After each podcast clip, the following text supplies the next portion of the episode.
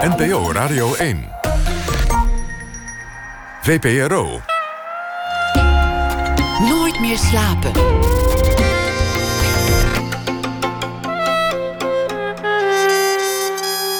Met Pieter van der Wielen. Goedenacht en welkom bij Nooit meer slapen. Ze moesten onderduiken, overleefden kampen of werden hun hele leven nagewezen omdat hun ouders ooit fout waren. In het boek Oorlogskinderen interviewt Koen Verbraak mensen die jong waren tijdens de Tweede Wereldoorlog. Hoe verschillend die geschiedenissen ook zijn, één ding hebben ze allemaal gemeen. Ze leefden daarna in de schaduw van die oorlog.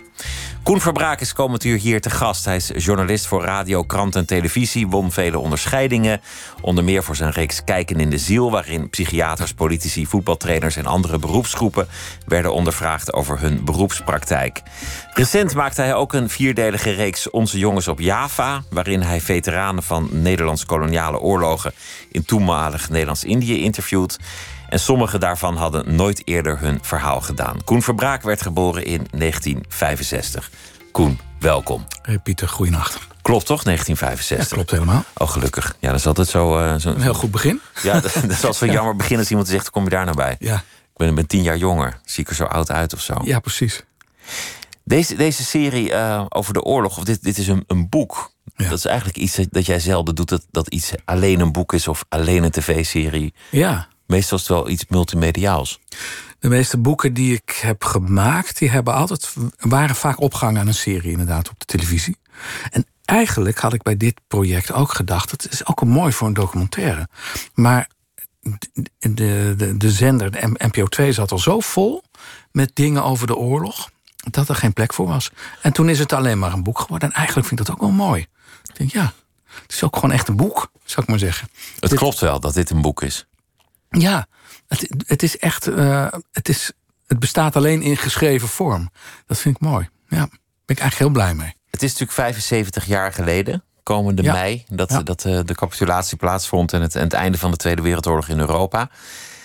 Dus, dus vandaar dat het, dat het heel erg storm liep, waarschijnlijk bij die zenderbaas met goede ideeën en mooie series. Het zat chockvol met dingen over de oorlog. Nou weet ik niet wat daar misschien wel door corona aan veranderd is. Misschien vallen er wel gaten, dat weet ik niet. Maar uh, dus er komt heel veel op dat vlak. Nou ja, we zijn eigenlijk al in september begonnen met herdenken. Dat gaat bijna, bijna een jaar door.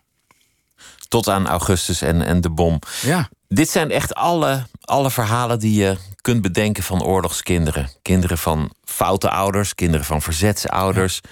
Uh, kinderen van, van, van Joden, kinderen die zelf in de kampen hebben gezeten. Nou ja, oorlogshelden. Oorlogshelden, noem maar op. Ja. En allemaal hebben ze één ding gemeen. Dat hele leven is bepaald door die oorlog. Ja, dat, dat, en toen ik aan begon, dacht ik. Uh, het moet geen boek worden over de oorlog. Het moet, het moet een boek zijn over hoe die oorlog zijn schaduw uh, vooruit blijft werpen, een leven lang. Maar het, het, het was intenser dan ik dacht dat het zou zijn. Dat je toch heel veel mensen. Uh, uh, ja, dat, want je denkt dan 75 jaar geleden, dat, dat, is, toch, dat is toch een, mensenleven lang terug. En toch merk je bij die mensen dat het tot op vandaag eigenlijk een rol speelt. Dat vond ik heel interessant. Hoe heb je die mensen gevonden? Voor een deel door zelf te zoeken. Uh, voor een deel omdat ik er uh, uh, op. Ik, ik ben bijvoorbeeld met Ad van Liemt gaan praten. Die, die had goede adviezen voor me. Maar we hebben ook, uh, of Thomas Rap, de uitgeverij, heeft een advertentie in het parool gezet. Dat was ook een heel goed idee, want daar kwamen heel veel mensen op af die je nooit gevonden zou hebben. En uh, ja, dat was. En er zaten ook verrassingen bij. Ik heb bijvoorbeeld. Uh, ik wilde graag mensen spreken die in, als kind in een jappenkamp hadden gezeten. En heb ik, uh, je hebt een vereniging van kinderen van kamp Chideng. Chideng is een kamp geweest op Java. Een heel berucht kamp ook. En die heb ik benaderd, de voorzitter daarvan. Van, goh, kunt u mij helpen? Want ik zoek mensen. En daar reageerden verschillende mensen op. En een van die mensen was een mevrouw Vera de Vries. En dat bleek Safira Hollander te zijn, wat ik, wat ik helemaal niet wist. Want ik had, had me ook voorgenomen, er moeten geen bekende Nederlanders in dit boek. Maar ja, toen kwam er, kwam er toch eentje. Er zijn er toch twee ingeslopen. Ja, Jacques Ancona ook nog. Ja. En, en Xavira Hollander. Zo is het, zo is het. Xavira Hollander vond ik een, een interessant verhaal, omdat je haar hele leven anders gaat bezien. Ja, zeker. En zij zegt het zelf ook, dat zij uiteindelijk een high-class callgirl is geworden... omdat ze bijzonder wilde zijn. Zeker dat ze ertoe wilde doen. En zij zat in dat kamp. In 1943 kwam ze er terecht. En toen was ze, uh, was ze een paar weken oud pas. Echt nog een klein meisje. En, uh, maar wat zij vertelde, daar had ik nooit over nagedacht dat zij bijvoorbeeld haar leven lang fysiek ook klachten heeft overgehouden aan dat kamp. Omdat ze zei: Ik heb allerlei voedingsstoffen niet gehad, waardoor mijn darmen niet, niet zich goed ontwikkeld hebben. Dus die heeft een leven lang buikpijn, zeg maar. Dat is ook iets waarvan je denkt: God, dat, ja, dat, dat kan natuurlijk ook nog. Dat kun je er ook aan overhouden. Dus dat, dat vond ik ook. Ja, allerlei. En het interessantste bij mensen die in, in, in die kampen hebben gezeten, in Jappenkampen, is ook, daar was natuurlijk uh, honger ongeveer het leidmotief in die Jappenkampen. En uh, mensen vertelden elkaar daar. Ze probeerden de honger te stillen door elkaar bijvoorbeeld recepten te vertellen. En dan imaginaire rijsttafels aan elkaar op te dienen. Die er natuurlijk niet waren, maar om toch de honger te verdrijven. Maar je ziet dan bij mensen die daar als kind hebben gezeten, altijd een, dat die een enorme fixatie op voedsel houden. Dat je toch anders naar voedsel blijft kijken dan, dan jij en ik. Dat gaat nooit meer over. Nee. Want voedsel kan opraken. En, uh, de moeder van Xavira Hollander werd gepakt bij het proberen voedsel te verkrijgen. Ja. Een, een ruil bij de hekken van het kamp. Diamanten voor suiker. Ja. Kan je voorstellen? Ja. Wat een oneerlijke ruil dat in vredestijd zou zijn. Ja. Wordt gepakt, wordt afgeranseld, voor dood achtergelaten. Ja. Overleeft kantje boord desalniettemin. Ja. En Xavira heeft dat allemaal op een afstand gadegeslagen. Als klein babytje, echt. Maar daar wel, uh, ze heeft haar moeder horen huilen en schreeuwen. Want die werd zo verschrikkelijk geslagen. En, en ja, dat is ook in je systeem gekropen. Dat komt er nooit meer uit natuurlijk. Dat, dat, dat is een soort oerangst die in je geprent is. Ze zei bijvoorbeeld, ik slaap ook altijd met een lichtje aan... omdat ik bang ben voor het donker. Ja, omdat er vanuit het donker altijd iets... daar, daar dreigt gevaar. En ja, dat, dat je weet het nooit helemaal zeker, maar de kans is groot dat dat met die tijd te maken heeft. Al die mensen hebben hun, hun trauma. Veel hebben er nooit over gesproken. Ja. Hoe zit jij er dan als interviewer? Als jij de, de eerste bent in misschien wel 30 jaar of misschien wel ooit aan wie dit verteld wordt. Nou, weet je, ik ben iemand die als ik uh, een interview uh, ga houden, dan bereid ik me heel goed voor. Zoals jij dat nu ook hebt gedaan. Ik probeer te lezen wat ik kan. Ik probeer... Maar deze mensen waren vaak nog nooit geïnterviewd. Dus daar was niets over te vinden. Dus je wist ook absoluut niet waar het zat, waar je moest zoeken, waar je moest vissen. Weet je, dan, dan, dan was er bijvoorbeeld een mevrouw Judith Jacobs, die, die, uh, die ook in het boek staat. Die had dan gereageerd op de advertentie in het Parool. Ik heb als meisje heb, ben ik in Westerbork en, en Bergen-Belsen geweest zonder mijn ouders. En uh, daar zit misschien wel een goed verhaal in. hartelijke groet Judith Jacobs. En dat is dan de hele mail. Dat is alle informatie die je hebt. Dus we gingen dan zitten. En dan, ja, dan begon het gewoon. En, uh, dan begon, dus dat vond ik eigenlijk ook fantastisch dat je 100% uit nieuwsgierigheid en uit belangstelling uh, kan vragen. Dat, dat, dus dat was een hele andere manier dan hoe ik normaal werk. Dus je moet dan echt wakker zijn, op interesse varen. Ja, zo is het. En heel goed luisteren. Goed luisteren. En proberen ook die anderen vertrouwen te geven. Want het is natuurlijk. Ja, dat, het waren bijna altijd, alle, niet bij alle veertien, maar ik denk bij tien van de veertien waren het ook interviews waar heel veel tranen vloeiden. Omdat dat ook vaak gebieden waren die mensen heel lang gemeden hebben. Dat ze dachten, daar ga, daar ga ik niet in grasduinen, want dat zijn verdrietige herinneringen. Daar kom ik liever niet. Dat is terra incognita. To, ta. To, denk ik. daar moet ik niet komen. Dat is, dat is gevaarlijk gebied. En, Als je veel van die mensen ontmoet zou hebben, in een andere hoedanigheid, dan zou je niks gemerkt hebben. Nee. Waarschijnlijk ook het niet eens geweten hebben. Nee. Van sommigen hebben heel naaste ook nooit geweten wat er precies gebeurd was in de oorlog. Nee. Dat vind ik interessant. Zo'n leven dat geleefd wordt met een schaduw. Ja, dat is bijzonder, hè? Die onzichtbaar is. Ja. En vooral als het verhaal dan verteld wordt, dan denk je: dit is heel groot geweest. Het is altijd een, een grondtoon geweest onder alles wat ze gedaan hebben. En dat, is, dat vond ik er wel heel fascinerend aan. En ook hoe dichtbij die oorlog is. En sterker nog, dat, dat die mensen ook zeggen... het zijn bijna allemaal tachtigers, sommigen zijn zelfs negentig... dat die zeggen, met het ouder worden komt die oorlog zo enorm terug. Al die andere dingen in mijn leven, die, die, die, die heb ik verwerkt... die heb ik op een rijtje gezet, maar die oorlog is er nog. En, en de cirkel van mijn leven begint zich te sluiten... en nu komt die oorlog terug. En dan ja, dus, dus eigenlijk waar hun leven mee begonnen is, die periode, die komt aan het einde heel nadrukkelijk terug. En ja, dat is ook wel ingewikkeld, dat zie ik ook wel aan, aan, aan die mensen. Je bent van oorsprong historicus, je hebt ge Ja. geschiedenis gestudeerd in Groningen. Die serie die je hebt gemaakt over de koloniale oorlog, dat was ook zo'n laatste kans om mensen nog te spreken te krijgen. Ja. Als we tien jaar wachten, zijn ze er niet meer en dan weet niemand wat ze ooit te vertellen hadden. Ja, zo is het. Dat Ja. geldt hier misschien ook een beetje voor. Ja, dit is een generatie. Dit zijn kinderen uit de Tweede Wereldoorlog. Die, dus die zijn over, over tien jaar. Als, de, als zij dood zijn, zijn de laatste ooggetuigen weg. Dat is een raar gedachte. En dat was ook wel voor hun een motivatie om het te vertellen. Om het toch vast te leggen. Om het verhaal. Ja, dat het er nog, nog is als zij er niet meer zijn. Nu spreken of mee het graf in. Zo, zoiets, ja. ja. Dus dat was. En bij onze jongens op Java was het zelfs zo dat, dat veel van die mannen hadden 70 jaar gezwegen. Dat vond ik ook iets ongelooflijks. Dat je, dat je- denkt, zo'n groot verhaal. met zoveel impact. En dat je dan toch noodgedwongen, hè, want dat was het, omdat niemand er naar wilde luisteren in die tijd. Eh, Nederland had die oorlog verloren in Indonesië en daar gingen we niet naar omkijken. En die mannen hebben gewoon, eh, ja, die hebben gewoon door moeten leven. Er was geen keuze. 70 jaar je mond houden over zoiets groots. Ja, ja. En, en, dan, en daar had je ook nog het aspect van... kijk, die, die oorlogskinderen, dat, dat zijn mensen die hebben nooit een keuze gemaakt. Het is ze overkomen. Het is, ze zijn erin beland door, door waar hun ouders eh, voor hebben gekozen... of door hun afkomst, of door wat dan ook. Er is nooit iets van een keuze geweest... maar ze dragen dat wel hun leven lang mee. Die jongens op Java zijn er natuurlijk ook bijna allemaal in een soort onschuld naartoe gegaan. Sommigen als vrijwilliger en Ja. sommigen dienstplichtig. De meeste waren dienstplichtig. En, en, maar die hebben daar natuurlijk ook, die hebben de verschrikkelijke dingen gezien, maar sommigen ook gedaan. Dus dat, daar speelt ook nog heel veel mee van schuld. Van eh, hoe moet ik ermee omgaan? Eh, Ik heb mensen gedood. Hoe moet ik dat een plaats geven in mijn kop? En als je dan met niemand dan daarover praat, dat is angstaanjagend natuurlijk. Dacht je toen je dat, dat ging maken niet... nu stap ik in een wespennest?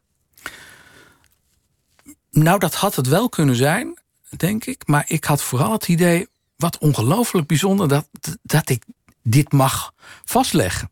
Het is ook een voorrecht dat je met mensen praat... die het hun eigen naasten niet hebben willen vertellen. En jou wel. En waarom? Omdat je gewoon een buitenstaander bent. Die tegen ze zegt, "M- meneer, ik maak een serie over, over die oorlog in Indië. U bent daar geweest. Zou u voor één keer dat verhaal willen vertellen? En die mannen hebben gewoon gedubt van... zal ik het vertellen of neem ik het mee mijn graf in? En ze hebben uiteindelijk besloten, ik doe het. Ik doe het gewoon. Misschien dachten ze wel eindelijk iemand die geïnteresseerd is. Dat, dat was zeker zo. En je merkt ook als je met ze praat... Dat, ja, de- hoe gedetailleerd de dingen terugkwamen. Dat is... Dat ze zelfs nog wisten hoe het rook, of hoe het, hoe het voelde, of hoe de, hoe de, hoe de wind om, om, in, om in oren eh, blies. En ja, dat, dat is ongelooflijk hoe het geheugen dan ook werkt. Fascinerend in die serie zijn de details, de kleine momenten. Ja. Iemand die zegt, ach, dat er hele dorpen werden platgebrand. Daar is mij niks van bekend. Ja, soms moest er wel een huisje de fik in. Ja. ja, als het in je schootsveld stond, ja, dan moest je toch wel eh, een keer. eh, hè? Ja, inderdaad, bijna In wegwerpen. zin zit, zit eigenlijk Ja. de hele geschiedenis. Ja, en ook wel dat je. ehm, het interessante is als je het hebt over oorlogsmisdaden. Dan zegt natuurlijk niemand: nee, dat, dat, eh, daar, ik heb oorlogsmisdaden gepleegd. Nee, tuurlijk niet. Maar het, als je dan erover doorpraat. Hebt u brandende kampongs gezien? Nee, heb ik niet gezien. Nou ja, en dan komt er zo'n zin die jij net citeert. Nou ja, je stak wel eens zo'n dorpje aan. Of je stak wel eens zo'n huisje aan. Ja, eh, ja, anders gingen ze weer op ons schieten. Nou, dat, dat is dus eigenlijk precies waar je het over hebt. Dan, hè? Dat is een brandende kampong. En, eh, dus dat, nou, dat vond ik ook wel weer mooi hoe dat. Ja, mooi is niet het woord. eh, eh, bijzonder om te zien hoe dat in die hoofden eh, vorm krijgt. Hoe je met schuld omgaat. Ja, Zonder het voor jezelf helemaal te benoemen. ja, Toch wel de feiten onderkennen, in zekere zin. ja. Een van die soldaten zegt nu, of, of eigenlijk een aantal... zij hadden een rechtvaardiger oorlog dan wij. Of zij hadden een mooier motief dan wij. Dat, dat vond ik ook mooi. Dat bijna niemand van die, van die eh, jongens op Java zei... eh, het was volkomen terecht dat we daar waren... en we hadden ze nog harder moeten aanpakken. Want dat dacht ik eerst, hè. Misschien gaan ze dat wel zeggen. En ze zeiden inderdaad allemaal, we hadden daar niks te zoeken. We hadden er niet heen moeten gaan. Dat is een verkeerde beslissing. Ehm, en het is een, eh, we hebben aan de verkeerde kant van de geschiedenis gestaan. En als, om dat van hunzelf te horen... Nou, dat, is, dat vind ik, dat getuigt wel van inzicht. Ik heb het idee dat hier wat meer gewicht aan hing dan aan alles wat je hiervoor gemaakt hebt. En dat bedoel ik niet met dédain naar wat je daarvoor gemaakt hebt, want, want dat was natuurlijk allemaal niet onbelangrijk. Maar dit heeft een, een historisch belang, deze serie. Dit Toen- heeft een landelijk belang. Toen ook. het uitgezonden werd, voelde ik dat ook wel. Ik heb ehm, op mijn eigen website heb ik bijna duizend mails eh, eh, gekregen van, van mensen en vooral van kinderen van veteranen die schreven: Ik wil u vertellen dat ik deze serie heb gezien en dat we nu mijn broers en ik snappen wat, wat vader daar heeft meegemaakt. En daar sprak er nooit over. En ook mensen op straat, mensen bij, de supermarkt die me aanspraken, zeiden: mag ik, u, mag u iets, even iets zeggen? Ik heb naar de televisie gekeken gisteren en, en mijn, vader zat in Indië. En, en dan, voor je het weet komt er bij de groenteafdeling van, van, van de supermarkt een heel verhaal. En ik heb echt een paar keer gewoon met een onbekende man gestaan die in tranen was opeens. Dan denk je zo, dit, dit, ik had niet verwacht dat het zoveel los zal maken bij mensen. Ja. Vooral bij kinderen ook van veteranen dus. Omdat er al die tijd over gezwegen is. Dat zwijgen, dat zwijgen deed pijn aan twee kanten. Ja, zeker. En, en ook omdat ze opeens. Vader was dan al vaak dood hè, bij, bij die mensen die me aanspraken. Maar opeens begrepen ze waarom die zo was thuis. Waarom die er nooit wat over zei. Of waarom die om niks kwaad kon worden. Of, en eh, zo'n man die zei dan van, ik kijk er met mijn broers naar. En opeens snappen we wat papa, eh, waar die last van had. En eh, nou, dan zeiden ze, we, zijn heel fijn, we zijn heel blij dat, dit, dat u dit hebt gemaakt. Nou, dan sta je echt een beetje te trillen op je benen wel. Maakt indruk hoor. Dat geldt voor veel van die veteranen, geldt ook voor veel van die oorlogskinderen in je boek. Veel dingen zijn daarna niet gelukt. Relaties of, of een goede band met de kinderen, Ja, zo is het. het gezin. Veel, veel is mislukt in die levens. Ja, en, en het interessante is ook dat je ziet dat er eigenlijk geen verschil zit tussen eh, een, een Joods jongetje dat ondergedoken zat en zijn, zonder zijn ouders, en een dochter van een NSB'er die bij andere mensen moest wonen omdat de vader en moeder gevangen zaten. Dat die, die blijken van precies dezelfde dingen last te hebben. Precies wat jij zegt. eh, moeite hebben met intieme relaties aangaan. Mensen niet echt vertrouwen. eh, allerlei angsten hebben. eh, dat je denkt, dat maakt helemaal, helemaal niks uit. eh, eh, of aan welke kant, bij, bij wie je hoorde. Het enige wat die mensen bindt is dat het allemaal kinderen waren. En, en dus dat het kinderen waren die, die klappen hebben opgelopen. En die dachten, als iedereen zomaar weg kan gaan, kan je maar beter niemand te dichtbij Ja. laten komen. maar beter geen band aangaan, want die kan alleen maar stuk gaan op die manier. Jij bent van 1965, 20 jaar na die oorlog. Dat, dat is een, een korte tijd. Dat betekent Ja. dat je ouders het al volop moeten hebben meegemaakt. Zeker. Mijn ouders die zijn van 1930 en 31, ze leven nog. En eh, nee, mijn ouders hebben de oorlog meegemaakt. En dat betekent ook, ik moet even kuchen, want ik heb een kikkertje in mijn keel. Oké, Het gaat weer hoor. Ik merkte ook dat die, die oorlog daardoor veel dichter bij mij staat dan eh, mijn ex-vrouw. Die had eh, eh, ouders van net na de oorlog. En wij, wij scheelden maar twee, twee of drie jaar, zei en ik. Maar ik merkte dat die oorlog was voor mij heel dichtbij. Want ik heb mijn vader horen vertellen over eh, de hongerwinter en mijn moeder ook. En ik zag, eh, eh, mijn vader heeft de schietpartij op de Dam meegemaakt. eh, eh, direct na de oorlog. Ik, ik ken dat de, de, Duitsers die nog even verhaal Precies. wilden halen na de bevrijding Ja. en, en schoten op heeft de hij als feesten. jongetje mee- tussen gestaan en, en op zijn, op zijn, hij heeft zijn schoenen uitgetrokken en op zijn sokken naar huis gerend, omdat dat, dat sneller ging. Zo was hij geschrokken. Maar ja, dat soort verhalen, die, daar ben ik wel mee opgegroeid. En ik merkte wel dat die oorlog dichtbij was voor mijn ouders en daardoor ook bij mij. En precies wat je zegt, 1965, dat is. Dat heb ik heel vaak gedaan. Wat ontzettend kort na die oorlog. Wat, dicht, wat dichtbij was het eigenlijk nog, ook voor mij. Heb je wel eens gemerkt dat er, dat er sprake was in een, in een heel andere mate? Want jouw ouders hebben niet in een kamp gezeten of niet gevochten Nee. of wat dan ook. Maar dat, dat, dat je hebt gemerkt dat er toch een soort trauma was. Want wat je nu vertelt zou in ons vredesleven een, een groot trauma zijn. Enorm. Nou, ik merk het bijvoorbeeld. Ik heb eh, vorige week het boek aan mijn ouders gegeven. Er zou een presentatie zijn. Nou, die ging natuurlijk niet door. Sonja Barend zou het eerste exemplaar krijgen. En ik heb het boek aan mijn ouders gegeven... die in een bejaardenhuis wonen. Dus ik kon het ze niet echt geven. Er moest een mandje van het balkon naar beneden ge- ge- gelaten worden... waar normaal eh, de boodschappen in gaan. En nu deed ik dat boekje erin. En mijn moeder zei gisteren tegen mij... jongen, ik kan het niet lezen. Het is, ik vind het te moeilijk. Ik krijg zoveel akelige beelden als ik het lees. Dus het is bij hun, eh, het, het roept wel veel op ook. Ja, Ook bij hun zit dat. Ja dat, zit, dat, zit heel, dat, dat, vindt, dat vindt mijn moeder heel moeilijk. Dus die zegt, ik kan, er niet goed, ik kan het niet uitlezen. Dat ga ik niet verder doen.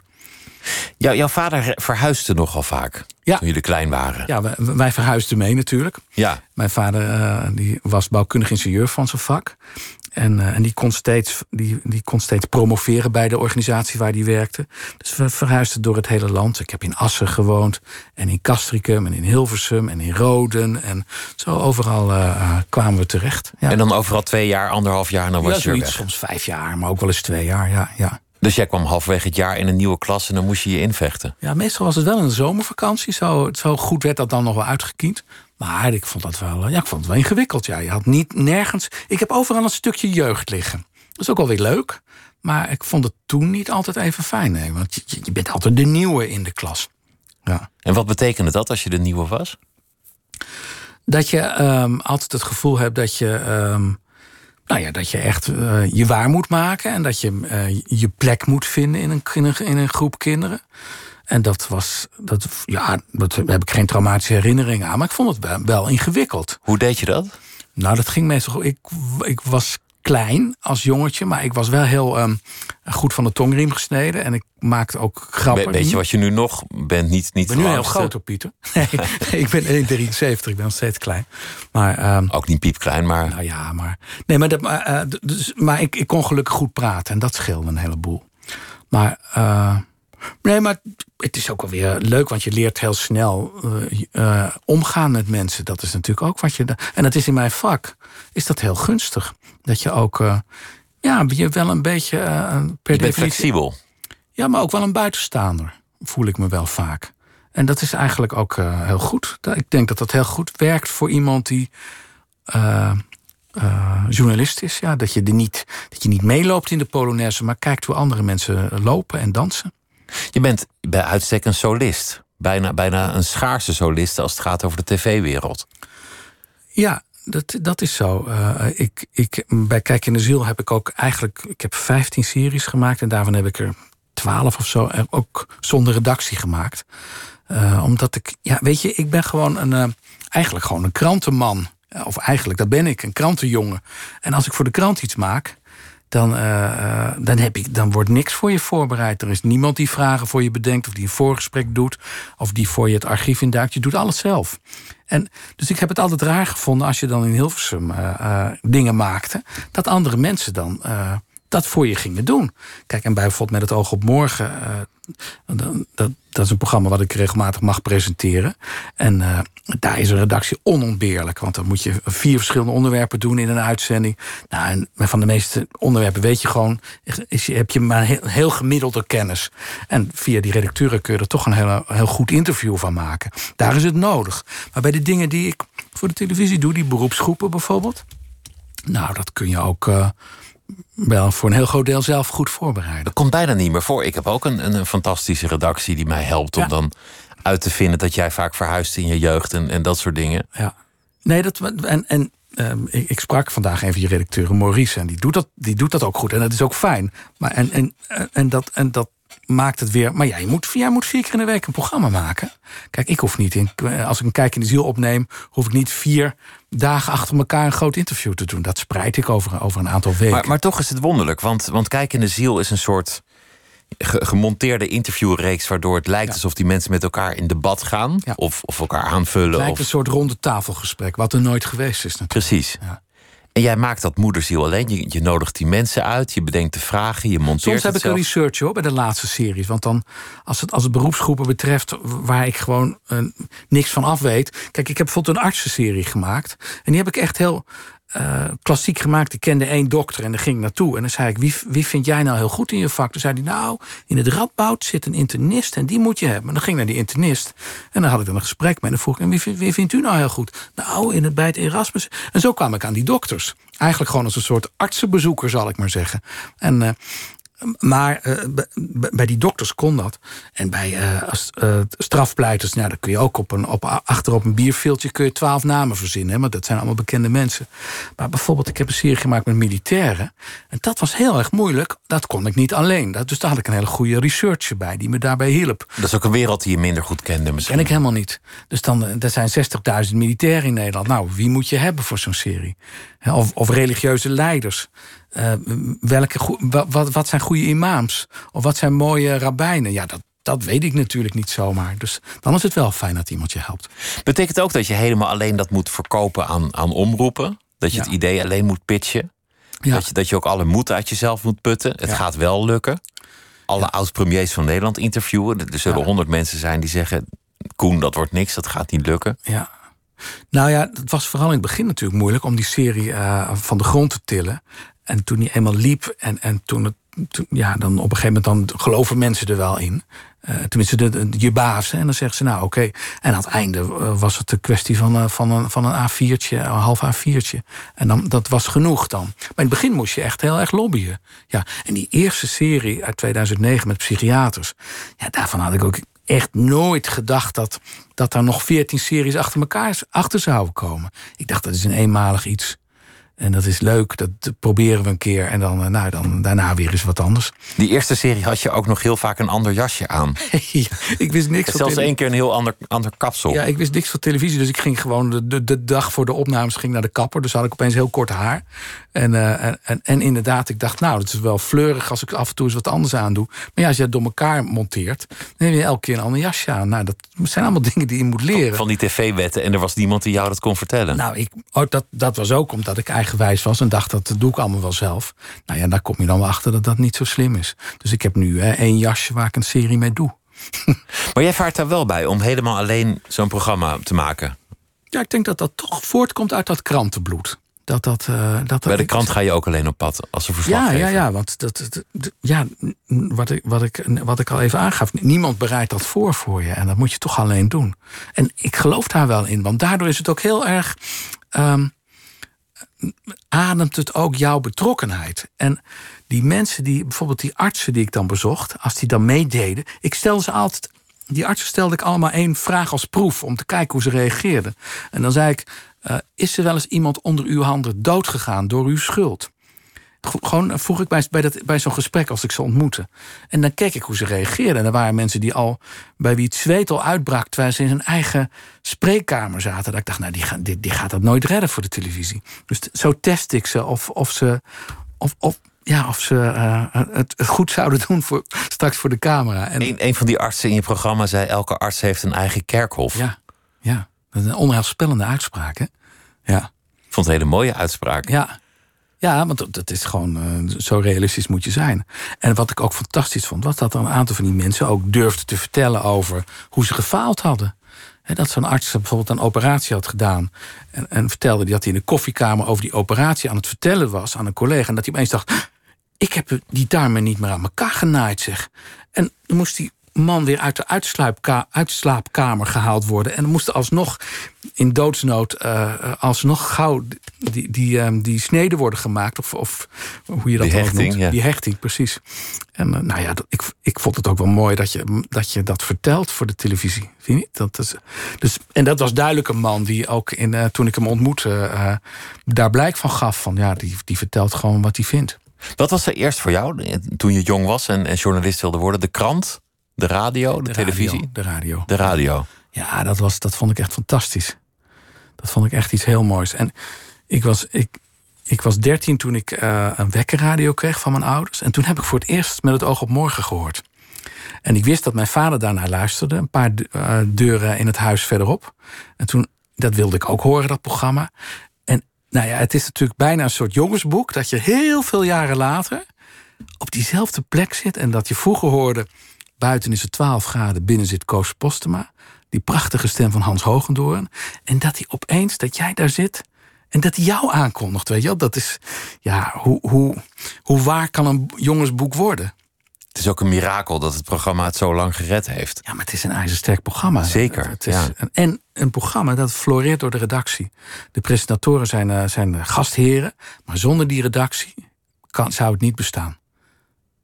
Je hebt ook een, een, een muzikaal eh, verleden. Je bent, je bent eh, drummer geweest, je hebt thuis Ja. een piano staan. Ja. Heb, ja. je, heb je daar ooit serieuze ambitie in gehad? Nou, toen ik eh, jaar 14, 15 was, was ik drummer in een bandje. En toen was de serieuze ambitie om, om heel erg beroemd te worden. Dat vlotte alleen niet zo. dus eh, eh, dat, nou, dat bleef Ik speelde in een bandje, dat heette Punt Gaaf. En we traden op en we deden voorprogramma's ook. Dat was wel erg leuk. Ik woonde in? Rode. Uh, goed Goede Doel, uh, Jan Rot, weet je wel, dat soort bands. nou, dat vonden we natuurlijk machtig. Dat, we, dat wij ook op dat grote podium mochten staan in zo'n feesttent. Dat wij daar op mochten treden. Nou, en toen dachten we ook van, nou, dat, dat, dat wordt het. Ik bleef toen ook prompt zitten, want ik dacht, ja, die school die hoef ik helemaal niet af te maken. Want de roem lonkt nu. Ik word een succesvol drummer in een band. Een geweldige drummer, ja. En uh, nou, dat, dat, is, dat is er niet voor gekomen. Nee. Maar je gaat nog steeds wel naar concerten en dan let je vooral op de drummer nog steeds. Ja, en ik, ik heb een hele grote. Uh, uh, wat dat betreft was een voorbeeld. Steve Gadd. Ik weet niet of je de naam kent. Een geweldige drummer. Ja, zeker. Bij Paul Simon. Bijvoorbeeld 50 Ways to Leave Your Lover. Weet je? Dat drumbeatje aan het begin, ja. Dat, dat is Steve Gadd. En ik ging een keer met, met Caroline, mijn ex-vrouw, naar een. die toen nog mijn vrouw was. Naar een concert van Paul Simon in Ahoy ze zei, ik, het is heel vervelend, maar we hebben hele slechte kaarten. En waar zaten we? Eigenlijk achter het toneel. Dus ik kon zo van een beetje op een afstandje kon ik achter op de kale kruin van Paul Simon kijken, maar boven op de handen van Steve Gadd. En ik kon bij alle nummers zien, oh, dit, pakt, dit speelt hij met brushes. Oh, kijk, nou doet hij het zo. Dus ik zat de hele avond alleen maar naar Steve Gadd te kijken, omdat hij zo meesterlijk drumde. Ik had, het, ik had een topavond en Caroline was echt teleurgesteld dat we zo slecht zaten. Laten we luisteren naar Paul Simon, een beetje uit uh, die tijd, maar niet dat nummer. Dat is uh, Late in the Evening. Ja, en op de drums Steve Gadd. En moet je eens horen, daar kan je niet bij stil blijven zitten.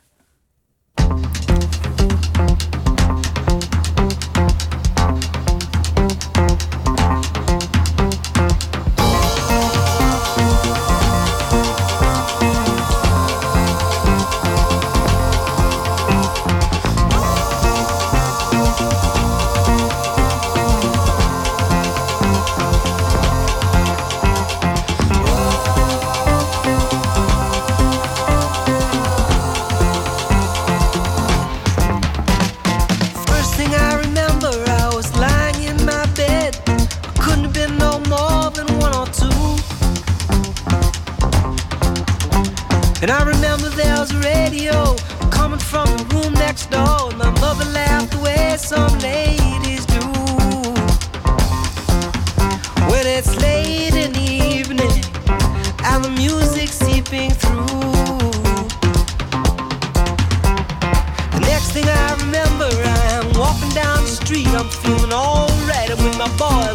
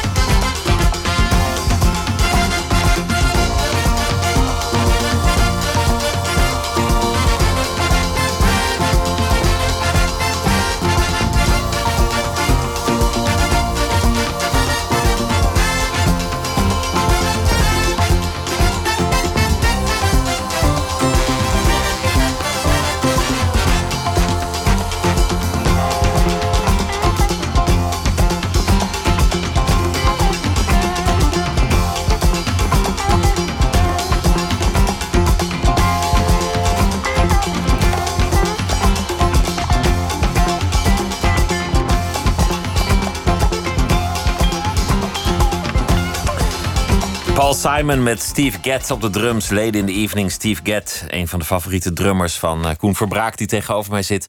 Die zelf ooit wereldberoemd ging worden als drummer. Het liep op de een of andere manier anders. Maar het voorprogramma van het Goede Doel hebben ze toch nog wel bereikt. En dat allemaal vanuit Roden in de buurt van Groningen. Toen wist hij ergens al dat de radio misschien wel zijn toekomst zou zijn. Met het oog op morgen was al een favoriet programma. Eerst van zijn vader, toen van hemzelf.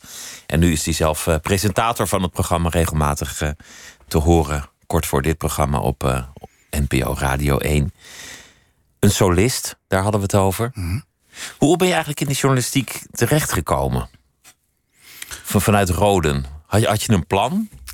Ja, ik heb op mijn zeventiende Joop Fontijn een brief geschreven.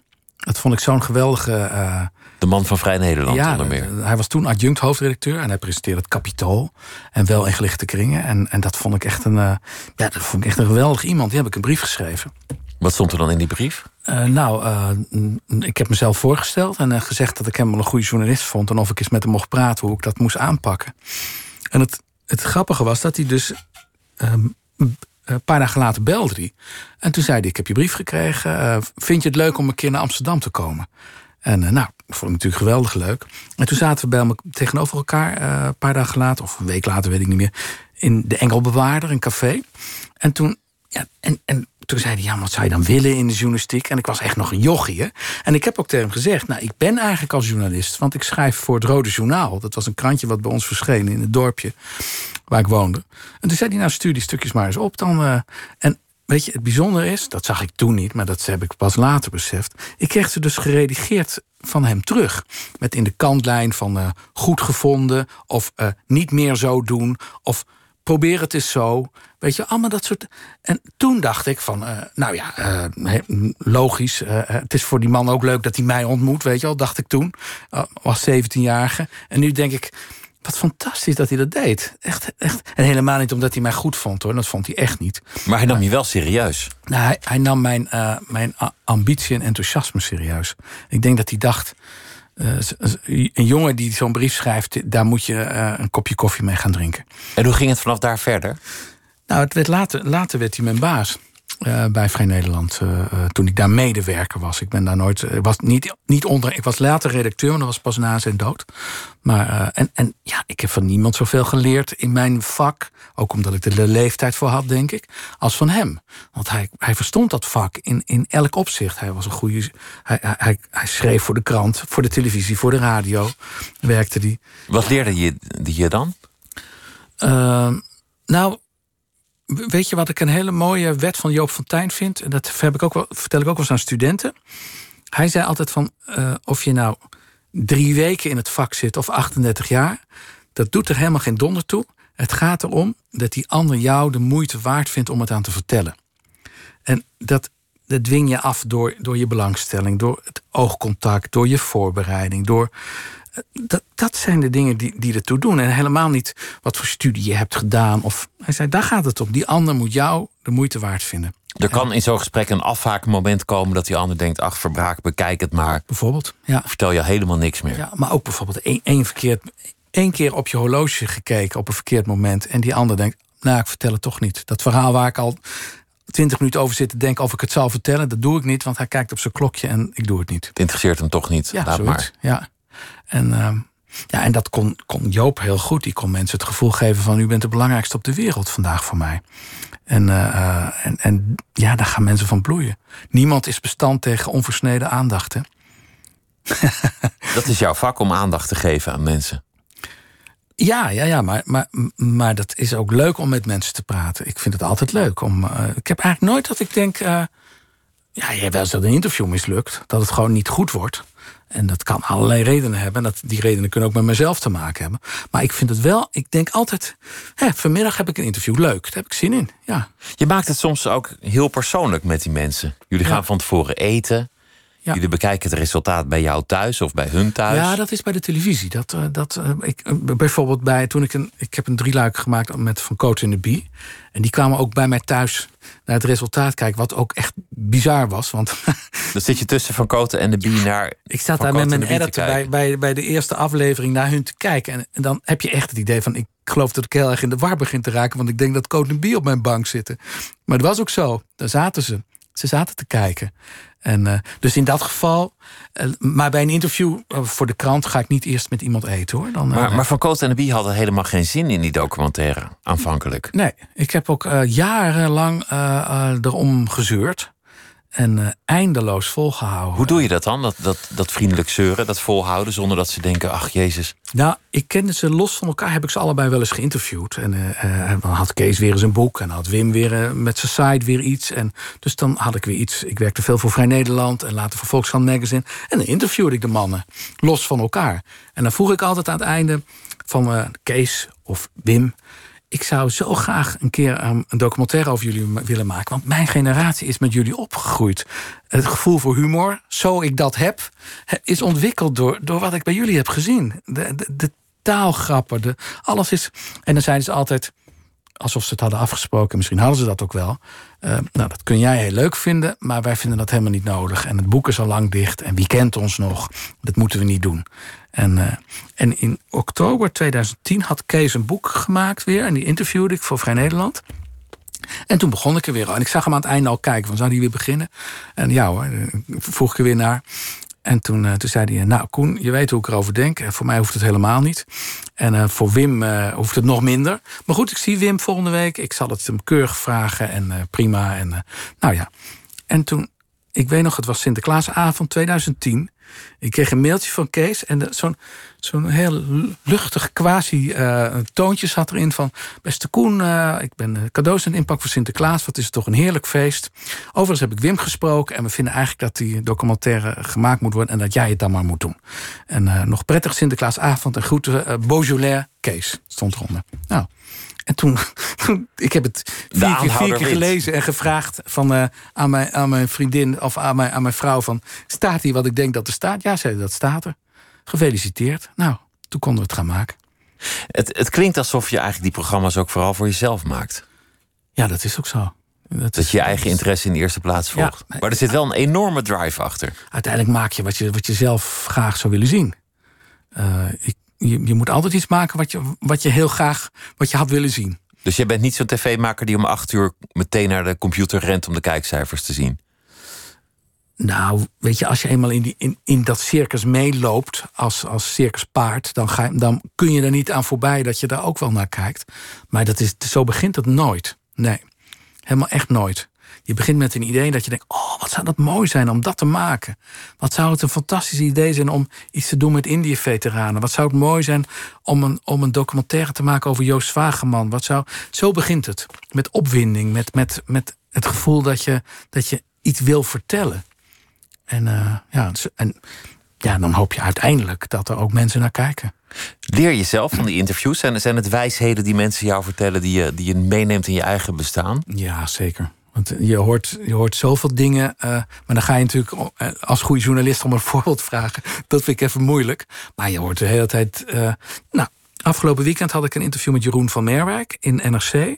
Cabaretier, terminaal ziek. Ja, die is, die is ongeneeslijk ziek. Maar de manier waarop hij spreekt over de dood... en over de dood die, die hem gaat naderen en in gaat halen uiteindelijk ook... vond ik toch ook wel weer heel bijzonder. Dat ik denk, ja, zo kun je er ook naar kijken. Dat het leven niet makkelijk is en dat er ook een last van je afvalt. En dat is wel iets waar... hè, dat, vindt, dat zegt hij dan. En dat is wel iets waar ik dan over nadenk. Van, hoe zie ik dat dan? Zou ik dat ook zo zien? Eh, ik denk dat ik zou denken... Goh, ik wil niet weg en ik vind het rampzalig wat me overkomt. Maar ik vond het ook heel mooi om te zien dat iemand dat wel kan... eh, op die manier kan, kan bekijken. Heel bijzonder, toch? Dat, dat Ja. hij zegt, ik heb er niet om gehuild. Ja, Ik zit er ook niet echt mee. Ik doe wel een soort behandeling om het uit te stellen... maar meer voor mijn vrouw en, ja en ik voor heb het gewoon kind. geaccepteerd. En, eh, ja, dat, en ik zag ook... Ik denk ook dat hij dat echt meent. Ja, Mij zouden ze denk ik met, met 30 paarden naar het einde moeten, moeten sleuren. Ik zou zo kermen ja. als een kind. ja zou ik ook hebben. Ja, en ik heb bovendien een, een zoon van 13, Tobias. Dus ja, daar moet ik ook niet aan denken natuurlijk. Dat, hij, dat, ik, Dat je die zo moet achterlaten. zou moeten achterlaten. Ja. ja, dat is niet te doen. Is het, is het in jouw leven, als je zo gedreven bent door, door de dingen te maken die je wilt maken op radio, tv, in de krant, moeilijk om dat binnen de perken te houden? Lukt het je wel eens om onder de 70 uur te komen in een week? ben, je, ben je nog wel eens op vakantie geweest de afgelopen 30 jaar? Ja, dat wel. Nou, ik moet je zeggen, deze week, eh, ik werk wel gewoon door. Maar ik heb wel ook dat ik 's morgens een paar uur een roman lees. En dat ik 's middags met mijn vriendin wandel. En dat ik wel denk, hé, hey, dat is toch opeens weer een heel ander leven. Dat, dat ken ik niet. Ik, ik wil nou niet gaan doen alsof dit een, een prettige tijd is. Want dat is natuurlijk niet zo. En heel veel mensen hebben er verschrikkelijke last van. En het is een hele grote belemmering voor, voor een normaal leven. Maar dat zijn wel de, de lichtpuntjes die nu ook opeens eh, eh, er zijn. Dat er ineens toch een soort rust is. Dat, Ja. dat je ineens niet aan het jagen bent. Dat ik gewoon eh, vanmiddag met mijn vriendin een wandeling maak. Gewoon door de, door de- we liepen over Zorgvliet, notabene. En eh, wat, wat ik vertel, ik, daar ga ik regelmatig naartoe. Dat is een begraafplaats in Amsterdam. Eh, Ik heb daar ooit een verhaal over gemaakt. En ben ik daar een maand geweest toen ik 21 was. En sindsdien loop ik daar wel eens een rondje. Want er liggen veel mensen die ik ken. Veel mensen van Vrij Nederland ook. Joop Fontijn ligt er en eh, nog uh, Ageet Scherphuis. Dus ik zeg wel eens, de redactie van Vrij Nederland vergadert tegenwoordig op Zorgvliet. Want er liggen er nogal een boel. Maar, eh, ehm, ja, en dan, maar dan loop je dus samen en, dan loop je, en daarna loop je langs de Amstel. En dan denk je, goh, wie had dat nou gedacht? Ik had gedacht dat ik eigenlijk zou werken vandaag. Maar ja, Dat geeft je ook wel een soort rust. En misschien, Zeker. misschien ook wel ruimte om dingen te overdenken. ja En op op dat kerkhof liggen ook heel veel journalisten die zich gewoon min of meer dood hebben gewerkt. Zeker, ja. En daar had jij er ook best een van kunnen zijn. Ja, nou ja, Ischa Meijer, eh, die ben ik al voorbij in leeftijd. Die is 52 geworden. En eh, ik ben 54. Nee, daar denk je wel over na. Martin Bril is maar 49 geworden. Die, die, die namen passeren je dan op kniehoogte, zeg maar. Dan denk je, ja, dat waren levens die... die aan daar hadden we het vanmiddag nog over, Marianne en ik. Dat, ik, dat het zo... Dat zijn allemaal die stenen met die namen. Dat zijn allemaal complete levens met broers en zussen en vaders en moeders. En, en dat ligt daar dan gewoon maar Een naam en twee jaartallen. ja, dat is het dan. Dat is dan toch het einde. Vind ik dan ook zo mooi. Dan kom je daar een vrouw tegen met een monddoekje voor. Dat ik denk, ben je dan bang dat er opeens iemand uit een zerk begint te hoesten? Of dan moet ik nog wel om lachen. Ik dacht, wij waren echt de Als je enige, ergens afstand enige houdt, levende zielen. Ja, ja. Nee, het leek me toch niet echt heel noodzakelijk daar op Zorgvliet. Maar goed, je, je moet het niet onderschatten. hè. Hoe is, dat, hoe is dat met de jaren in balans gekomen in, in jouw bestaan? Dat werken. Ja, dat werk. Hoe heb je dat, dat toch een beetje in weten te tomen? Ehm, nou, dat kost me nog wel eens moeite hoor. Want ik, ik werk wel, ik, die 70 uur haal ik wel in normale tijden. Ja, zeker. Maar het is, weet je, Pieter, het is ook zo dat ik, wat ik doe, is ook wat ik altijd, waar ik van droomde vroeger als jongen. Ik bedoel, ik hoef s'avonds niet naar, eh, naar eh, stijldansen of naar paardrijden. Of, want ik, ik heb mijn hobby, die, is, dat, die heb ik gewoon altijd bij me. Want het is ook iets wat ik heel graag doe. Dat maakt het zo gevaarlijk, zou je ook Ja, negatief zeker. kunnen zeggen. Ja, zeker, zeker. Maar, en ik heb natuurlijk wel het, het, het, het fijne aan mijn werk is dat ik het zelf uitkies. Hè. Ik, ik, in, ik hoef bijna nooit. Komt bijna nooit voor dat ik, een, dat ik een programma of een interview maak waar ik geen zin in heb. Want ik bedenk het zelf. Ik ga naar NRC, eh, naar, mijn, naar mijn eh, eindredacteur en dan zeg ik: Ik wil een interview maken met die en die. Vind je dat wat? En dan zegt hij ja of nee. En dan ga ik het maken. En dat is toch hartstikke leuk. Ik kan het uitkiezen. Ja, dan ben je toch wel spekkoper. En ik maak eh, documentaires over. Ik ben nu bezig met een documentaire over Srebrenica, dat is 25 jaar geleden. Ja, weet je, dat is dan ook weer zo'n fascinerend verhaal. En zo bijzonder om die mensen daar, die daar waren, om die te interviewen en die verhalen te horen. Ja, ik weet dat ik thuis kom en dan, dan dat ik gewerkt heb. Maar als ik, eh, als ik er geen geld voor zou krijgen, zou ik het geloof ik ook doen. En je bent, je bent ook nooit te porren geweest om iets te doen waar je geen zin in had. Nee, omdat ik, ik, ik, ik heb gewoon een, een grote bonbondoos eigenlijk waar ik steeds uit mag kiezen. Welke ik nu weer kies. En er zitten wel eens eh, hele vieze tussen. Maar het is wel een, snoepwinkel een beetje. Dat is fijn. Het is heel leuk werk. Toen je vader werd, heeft dat veel veranderd? Zeker. toen ik later de interviews teruglas die ik toen maakte, viel me op dat iedereen eh, over het vaderschap praatte. Dat kwam niet door die mensen, dat kwam bij mij. Want ik vroeg al die mensen van uh, hoe was het? Uh, hoe was je vader? Wat voor zoon ja, was je? Opeens kan dat, kan dat. Dus dat bleek een enorme impact op me te hebben. En, uh, ja, en, en bovendien is het. ik ben gescheiden van zijn moeder, maar ik zie hem elk weekend en dat is altijd heel erg leuk. En uh, dat, het, is, het is. Ja, het is gewoon. Weet je, hij is nu 13, dus hij is ook. Uh, ja, wel een. Um, ja, ik word ook gewoon op, op een nummer gezet door hem, weet je wel. Dat, hij, dat wordt zei, voorlopig alleen maar meer, denk ik. Nou ja, hij zei laatst ook tegen mij... weet je dat je steeds slechter humor begint te krijgen? En, uh, of, en, en laatst waren een paar mensen op bezoek... en ik maakte een grapje. En toen zei hij, niemand lachte, Niemand. dat je denkt, jeetje, ik wil gewoon in mijn eigen huis. Een flauwe grap maken, laat me. Ja, en, uh, maar goed, dus dat, dat, dat, stadium is nu aangebroken, ja. Held af. Held af. Dat is een mooie fase juist. Het ja. relativeert, denk ik. Ja, zeker. zeker. Ja. Over Srebrenica, want we hadden het eerder al over uh, onze jongens op Java. Mm -hmm. een, een heel gevoelig hoofdstuk in de moderne geschiedenis van Nederland. Mm -hmm. Srebrenica is een vergelijkbare geschiedenis, maar veel, veel korter geleden. Zeker. Maar lijkt in veel opzichten een, een niet geslaagde ja. missie. Ja. Uh, jongens die terugkomen en een beetje met de nek worden aangekeken, want het was Ja. allemaal niet helemaal zuiver wat daar gebeurd was, Ja. of niet helemaal goed gegaan. Ja. Uh, en, en waarschijnlijk ook diepe psychische wonden bij velen. Ik heb, er nu, ik heb nu vijf gesprekken gedaan en drie daarvan waren heel uh, emotioneel, met veel tranen bij hun. En ja, omdat dat, dat, dat, dat is zo'n aangrijpend verhaal geweest. En ik moet je eerlijk zeggen dat ik er een heel ander beeld van had. Ik dacht namelijk, ja, dat Dutchbed heeft, heeft daar ongelooflijk geblunderd en is daar laf geweest. En als je erin verdiept, is het toch een ander verhaal. En dan zie je gewoon dat de politiek vooral heeft geblunderd. En daar mensen heen heeft gestuurd. Eigenlijk vergelijkbaar met de jongens op Java. Met een mandaat wat, wat niet deugde, waar, waar ze niet meer uit de voeten konden. Te midden van de grote wereld. Uh, te midden van bloedhonden. Uh, uh, nou, dan, en als je niet mag schieten als er niet op jou geschoten wordt, dan heb dan, dat is lastig werk hoor. En wel ondertussen mensen moeten ontwapenen.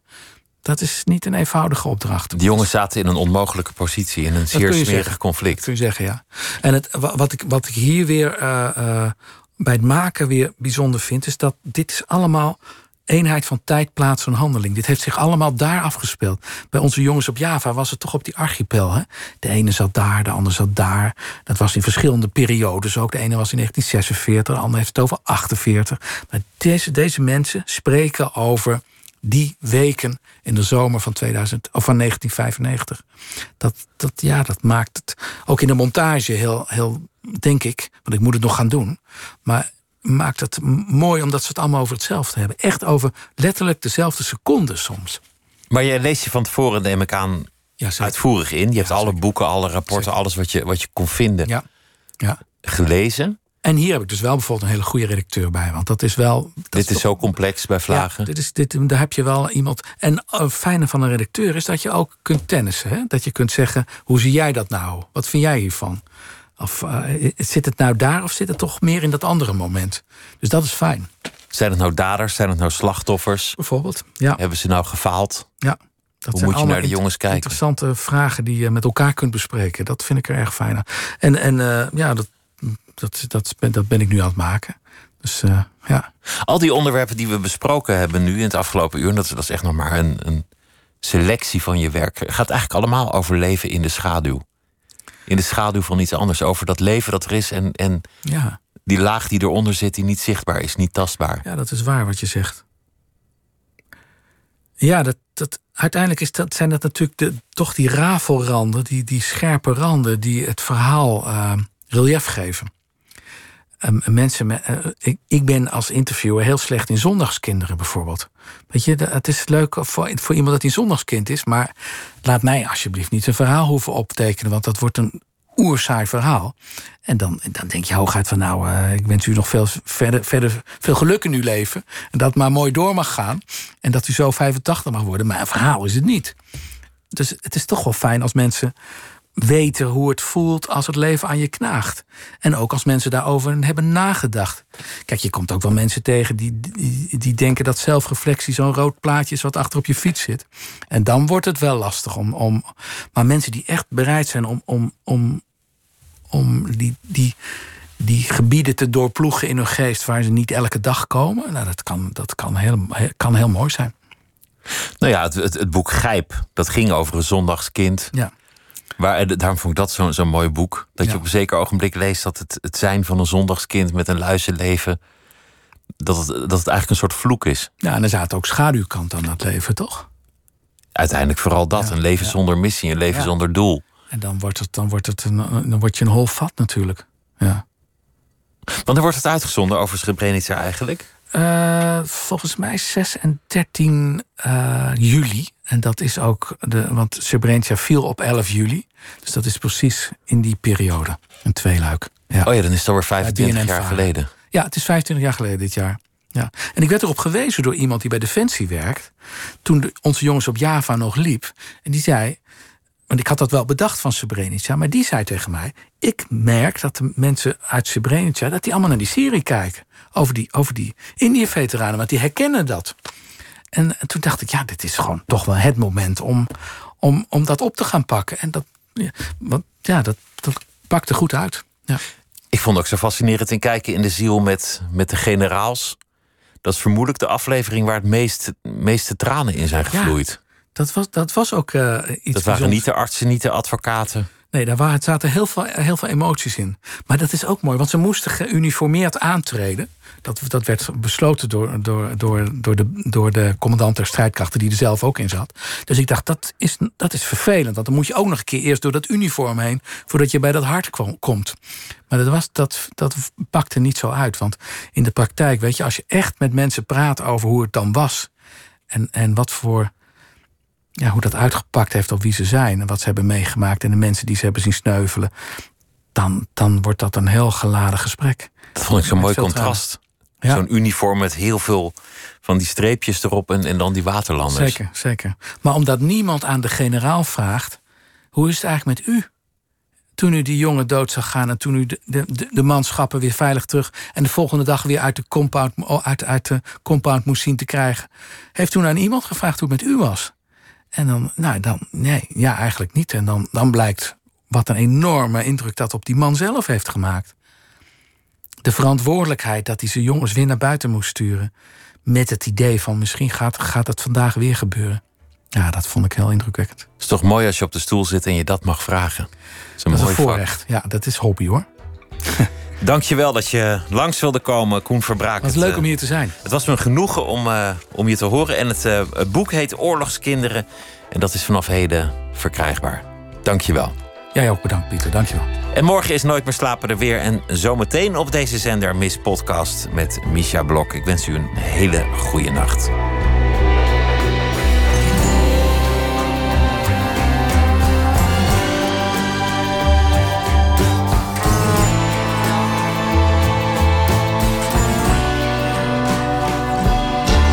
Op Radio 1. Het nieuws van alle kanten.